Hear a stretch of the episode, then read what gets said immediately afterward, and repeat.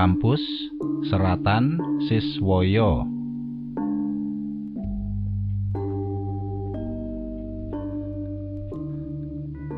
Neng kampus aku iki klebu mahasiswa sing aktif melu kegiatan Niatku mung golek pengalaman saakeh-akehe supaya ora getun tembe mburine. Tur ya eman-eman mbayari SPP yen ora melu kegiatan babar blas. Yen melu kegiatan ngene iki kan oleh imbal balike anggone mbayar. Senajan to sembulih mau ora arupa barang. Jam rolas awan pancen ngantuk-ngantuke kuliah. Apa maneh mung didungengi wae dening dosene. Mbuh, mergo apa? Yen dong kuliah ngene iki, aku ora patiya nyantol. Senajan to bengine sinau model piye? Panggah angel nampa piwulang. Nanging yen ana kegiatan, aku paling aktif HP sing tak sai krasa keder. Tandan yen ana SMS mlebu. Saknalika ngantukku ilang. SMS dak waca. Unine nanti sore jam 6 kumpul di depan fakultas. SMS kuwi ora banjur tak balesi.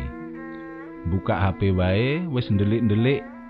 Mokal yen bisa balesi. batinku maido ngenehi kabar kok mesti dadak nanging piye meneh? Arep ora teko ya ora kepenak karo kanca-kanca. Akhire senajan ati iki grundel nanging sikilku panggah jangkah ketambahan meneh montor sing tak parkir ning ngarep kos bane gembos. Batinku misuh-misuh. Wis mepet jam 5, malah bani motor gembos. Sidane aku ngalahi melaku sikil. Tenan, tekan ngenggon, bocah-bocah wis padha ngelumpuk. Nalikane kegiatan rampung, jam neng ugel-ugel tangan, dak deleng pandome nuding angka siji. wis meh para esuk. Batinku biasane akeh kanca-kanca sing numpak montor. Karepku mulehe lak bisa nunut. Nanging dina kuwi sajake pancen tiba dina apesku. Ora ana siji-siji kanca sing ora boncengan. Wis nalika budal ban montor gembos, saiki mulehe ora oleh nunutan. Senajan atiku minggrang-minggring, gek wani gek ora. Sidane dak tekati mulih ijen. Kowe barengi sapa at? Sepurane, aku karo Anis. Saat sajake wis ngerti apa sing dak karepake. Wani ora wani, aku kudu bali neng kosan. Yen kon turu neng kampus dhewe, dibayari pira wae ora bakal tak lakoni. Apa meneh yen ora ana kancane. Pikiranku wis mbayangke sing ora-ora. Sak suwene neng dalan kok ya ora ketok montor siji-siji. Senajan kampusku ana Surabaya, nanging mapane ing pinggiran tur adoh karo pomahan warga. Dalan antarane kampus neng pomahane warga kurang luwih setengah kilo. Yen bengi peteng dedet. Senajan jaman saiki wis maju apa maneh listrik wae wis tekan desa-desa. Nanging gumunku neng dalan antaraning kampusku lan pomahane warga kok ora ana dipasangi lampu? Isih akeh swara jangkrik. Apa meneh walang kekek kaya ing desa-desa? Pancen ora cocok karo jeneng papane. Wong desaku yen krungu Surabaya mesti mbayangake yen Surabaya kuwi kutha sing rame. Yen bengi padang jinglang tur saben dalan dikebaki montor. Nanging kanyatane ya isih ana panggonan sing sepi kaya kampusku iki. Mbok menawa swasana kaya ngene iki wis dadi ciri khase daerah kene. Antaraning kampus lan pomahane warga ana portale minangka tapel wates daerah kampus lan kampung. Senajan to neng kono ana pos satpame nanging ora tau dijaga awan wae aku durung weruh njagane apa maneh wengi. Satpame endang-endang kono jam 5 isuk wayah buka portal. Lan jam 10 bengi perlune nutup portal kuwi mulane pos satpam iku ditokake nganggur ora kupen. Gentenge akeh sing ceblok. Lakuku ora krasa tekan portal gerbange kampus. Aku mung bisa mbrobos liwat ngisore portal. Pancen wis jam siji seprapat.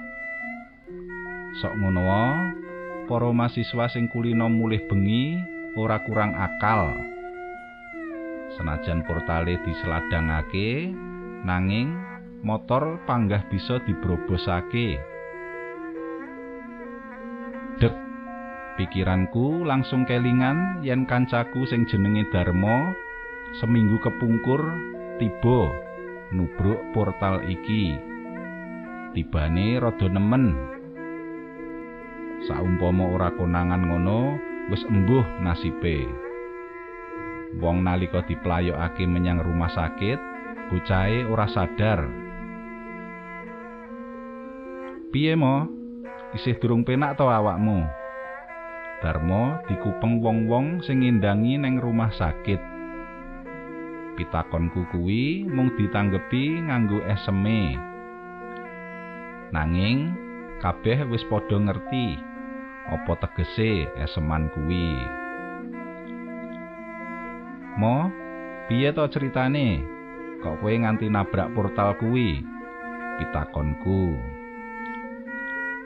Mbuh at, rumangsaku portale urung ditutup kok.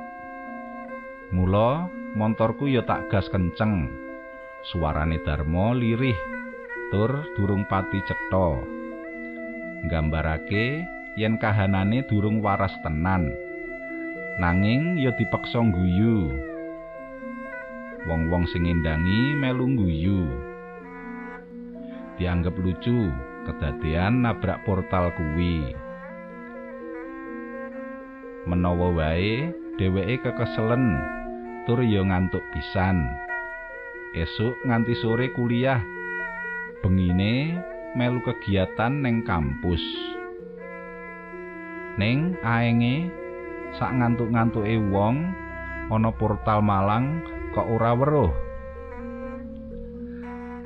Nalika esuke aku karo kanca-kanca nglumpuk ning ngarep kelas ngomongne kahanane Darmo kuwi. Mbah Sahuri sing maune nyapu lungguh ning sandingku. Melu-melu ngrungokake cerita kuwi mau Mbah Sahuri ora mung ngrungokake wae. Nanging uga melu urun rembuk ngendikane Mbah Sahuri tibane Darmo kuwi merga dijongkrokake dening sing bau reksa panggonan kono. Darmo isih klebu begjo sebab sapa wae sing kacilakan ning panggon kono sing uwis-uwis mesti ora selamet ana sing ninggal ning panggonan ana sing ninggale ning rumah sakit ana uga sing lagi konangan esuk nalika jisime wis kaku Saben taun kaya-kaya papan kono njaluk tumbal. Goleke tumbal ya kanthi cara nabrakake kurbane ngono kuwi. Tumbale ora sembarang tumbal. Nanging dipilih sing isih joko tur ganteng. Apa meneh wulane iki wulan sura sing miturut wong Jawa kabeh barang sing ora genah padha metu golek mangsa. Miturut Mbah Sahuri, sing jongkrokake dharma kuwi pawakane gedhe dhuwur. Dhuwure diibaratne sak cagak kabel listrik. Mbah Sahuri ngono sing ditugasi njaga gedung jurusanku. Sakliyane kuwi uga njaga karesikan jurusanku. Salah sijine alesane milih Mbah Sahuri merga nduweni kaluwihan bisa ndeleng babakan gaib. Saben bengi panggonane turu Mbah Sahuri ya ning jurusan kuwi. Ing pungkasan cerita, Mbah Sahuri pesen supaya yen liwat kono aja kemendel apa meneh nantang. Kejaba kuwi aja nganti ngotongke pikiran awit gampang dileboni badan alus. Lakuku rada dak rikatake. Jangkahku ombo-ombo. Kanggo ngilani wedi dak sambi rengeng-rengeng. Nanging sirahku ndingkluk ora wani noleh babar pisan. Pikiranku tansaya ora karuan bareng tekan ngisor wit pring ori sing lemu banget. Ketambahan suarane manuk uwuk gayer-gayer. Gitok sansaya mengkorok. Lambiku ndremimil ndonga sak bisaku. Ing kahanan kaya mangkono mau dumadaan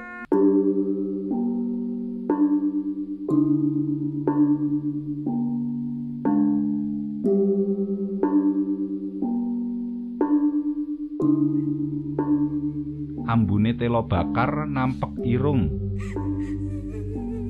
batinku gek sapa? Tengah wengi ngene sing keplaur bakar telo. Kamangka ning daerah kene longko tanduran telo. Pikiranku langsung nyandak ceritane Mbah Sahuri. Yen ing antaraning portal teko papringan kene iki miturut ceritane mujudake gerbang kerajaan lelembut yen wanci bengi mambu telo bakar lan kentang kuwi tegese ana gendruwo sing metu. Apa meneh? Orine pirang-pirang dapur. Tur ngrembuyung ing sak dhuwure dalan. Nambahi singklunge papan sing dak liwati kuwi. Ora lidok ing ngisor wit asem sak kidule ori kuwi ana wewujudan gedhe dhuwur. Klambine sarwa ireng. Lungguh semende ning wit asem. Praupane ora patiya ketok. Awakku langsung ngewel. Sikil abot digawe jangkah arahe lakuku ora karuan. Kaya kudu nibotangi sirah iki abote kaya nyunggi suket sak bongkok. Ambekan ngangsur-angsur. Ing pikiran mungdang tekan kos. Teko kos aku terus ndeprok. Ambekan nyenen kemis. Bareng wis sareh aku amek wudu banjur salat wengi supaya yen enek sing nututi aku tekan kos bisa ilang. Esuke sak bubare kuwi aku keprungu omongane wong sekitar kosku. Yen jarine saben malem jemuah legi memedi papringan sing dak liwati kuwi ngaton. Warga kene jarine ya wis akeh sing tau diweruhi. Nanging beda-beda wujute. Jarine ana sing diweruhi pocong medon lan sing paling kerep gendruwo. Pawakane gedhe dhuwur klambine sarwa ireng. Panggonane ora ngalih saka ngisor wit asem. Banjur dak bukai tanggalan dak buktekake apa bener? Mau bengi kuwi malem jemuah legi. Pranyata pancen bener. Bubar kedadian kuwi aku rawani yen budal ning kampus ijen. Apa maneh yen mlaku wayah bengi? Pantes wae warga kene yen malem jemuah legi yen kliwat jam 11 wengi ora ana sing ngliwati portal kampus.